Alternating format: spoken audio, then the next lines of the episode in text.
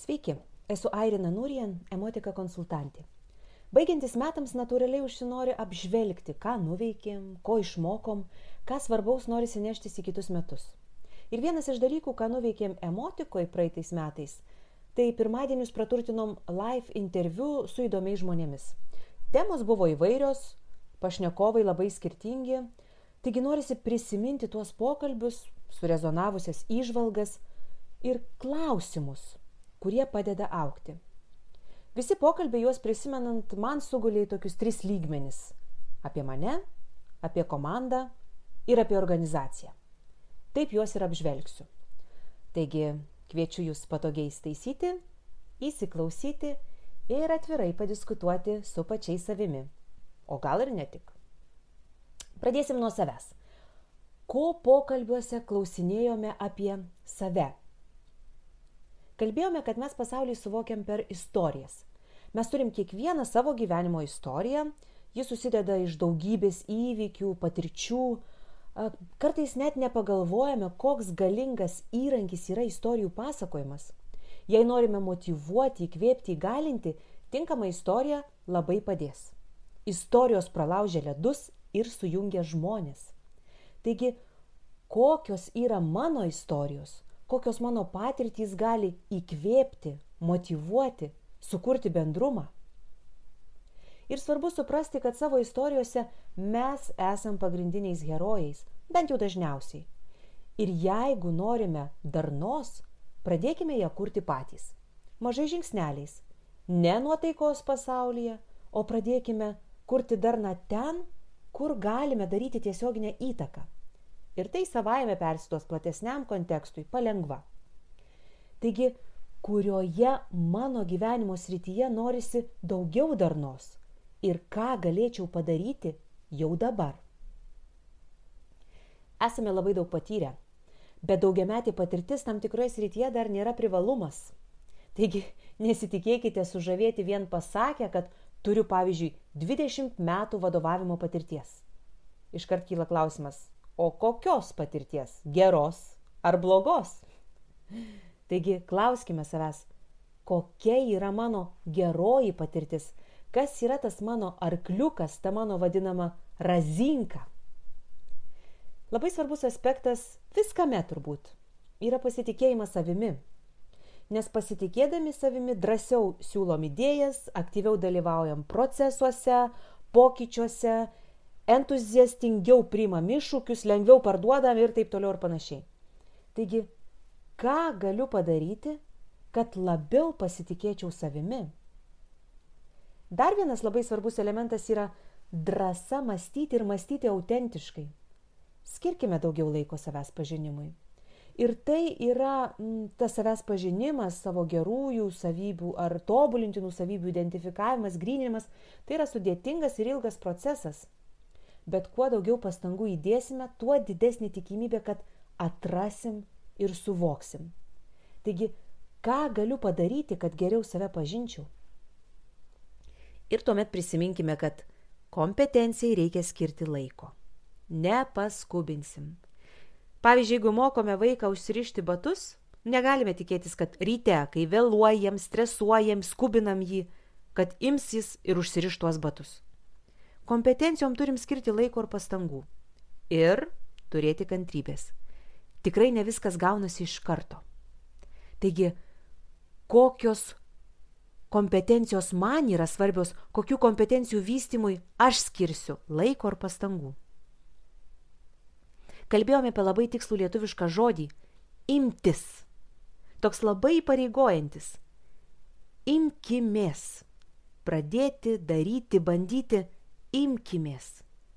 Taigi, ko aš imsiuos kitais metais? O kalbant apie naujoves, labai svarbu savo priminti, kad vaizduotės piešiami scenarijai dažnai daug baisesni negu, negu iš tikrųjų realybė. Ir dėl to mes bijome naujovių. Bet juk galima daryti naujus dalykus, neatsisakant senų. Nebūtina rinktis arba arba. Galima daryti ir ir.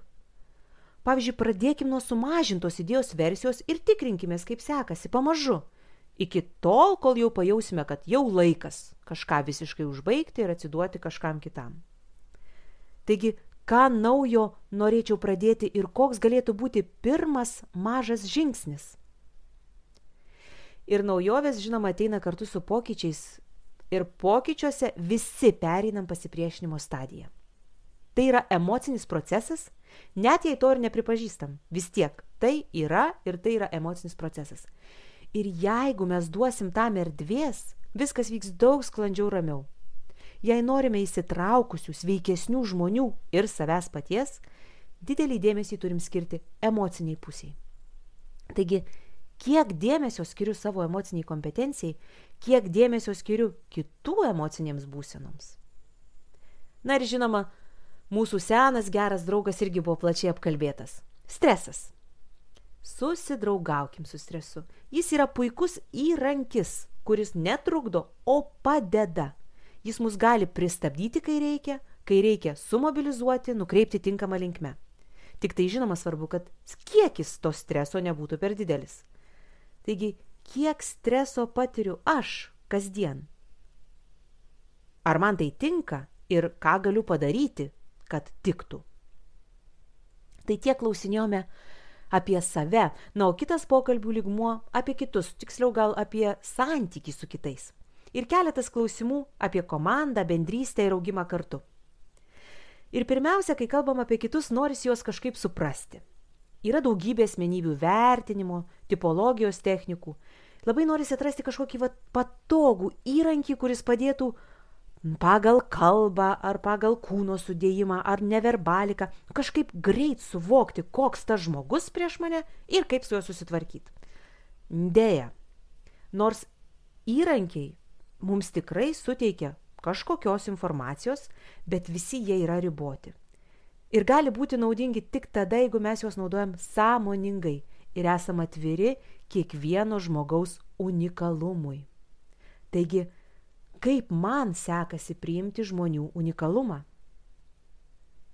Nes priimdami kitus nutiesėme tvirtą pagrindą bendradarbiavimui. Kuo skirtingesnė esam, tuo daugiau potencialo turime kaip komanda. Svarbu, kad komanda būtų ne tik įvairių, pavyzdžiui, mėlynų atspalvių, o iš tikro įvairias spalvį. Kuo labiau. Tik bendraudami su kitokiais nei mes patys galime praturtinti savo pasaulyje žiūrą, praplėsti suvokimą, atrasti netikėtų galimybių. Taigi, kaip galiu įnešti daugiau įvairių spalvų į savo komandą? Ir svarbu e, prisiminti tai, kad tik psichologiškai saugiose komandose konfliktai gali tapti prasmingomis interakcijomis, gali gimti netikėtos idėjos ir atsiverti neribotos galimybės. Taigi, kaip aš jaučiuosi savo komandoje ir kaip aš manau, kaip kiti komandos nariai jaučiasi. Komandiškumas beje yra įgūdis ir jo lavinimui reikia skirti ypatingą dėmesį, taigi taip pat klauskime savęs, kaip galiu lavinti komandiškumą. Ir dabar, žinoma, mes einame per pokyčių ir neapibrieštumų laikotarpį. Ir tam, kad mes kaip komanda per tai peržengtumėm, mums reikia artumo ir sutelktumo, reikia to jausmo, kad mes kartu. Jau tada galėsim galvoti, kaip, kur link, bet pirmiausia, kartu. Taigi, ar aš jaučiuosi vienoje valtyje su savo komanda? Na, o jei kyla nesutarimai ar konfliktai, tai yra visiškai natūralus santykių elementas, stebėkite savo veiksmus ir klauskite savęs, ar mano veiksmai dabar kažką kūrė ar greuna. Taip pat sudėtingose situacijose labai pagelbė asmeninės atsakomybės prisėmimas. Susikalbėti ir suderinti interesus padės asmeninis dėmesys ir pagalbos siūlymas. Būtent asmeninis. Pavyzdžiui, aš ateinu pas kolegą ar klausiu, ką aš kaip airina galiu padaryti, kad tau būtų lengviau. Na ir pasirūpinę tuo, kas dega dabar visais gaisrais, turime dėmesį skirti ilgalaikiškumui ir kryptingumui. Susidūrus su sunkumais, nemeskime visko, nesusikoncentruokime tik į dabartį, turime išlaikyti savo kryptį ir prisimti atsakomybę, nes ji yra verslo pagrindas. Taigi, ar aš žinau savo organizacijos kryptį ir ar jaučiuosi už ją atsakinga? Na ir ruoškime ateičiai. Kitaip jų užklups netikėtai kaip kelininkų sniegas kasmet. Sunkumai praeis ir svarbu ne tik išgyventi dabar, bet ir ruoštis tai dienai, kai viskas nurims, kad jau žinotumėm, ką darysime tada. Taigi, ar turiu tolimesnį veiksmų planą? Na ir į tą planą įtraukime savo darbuotojus.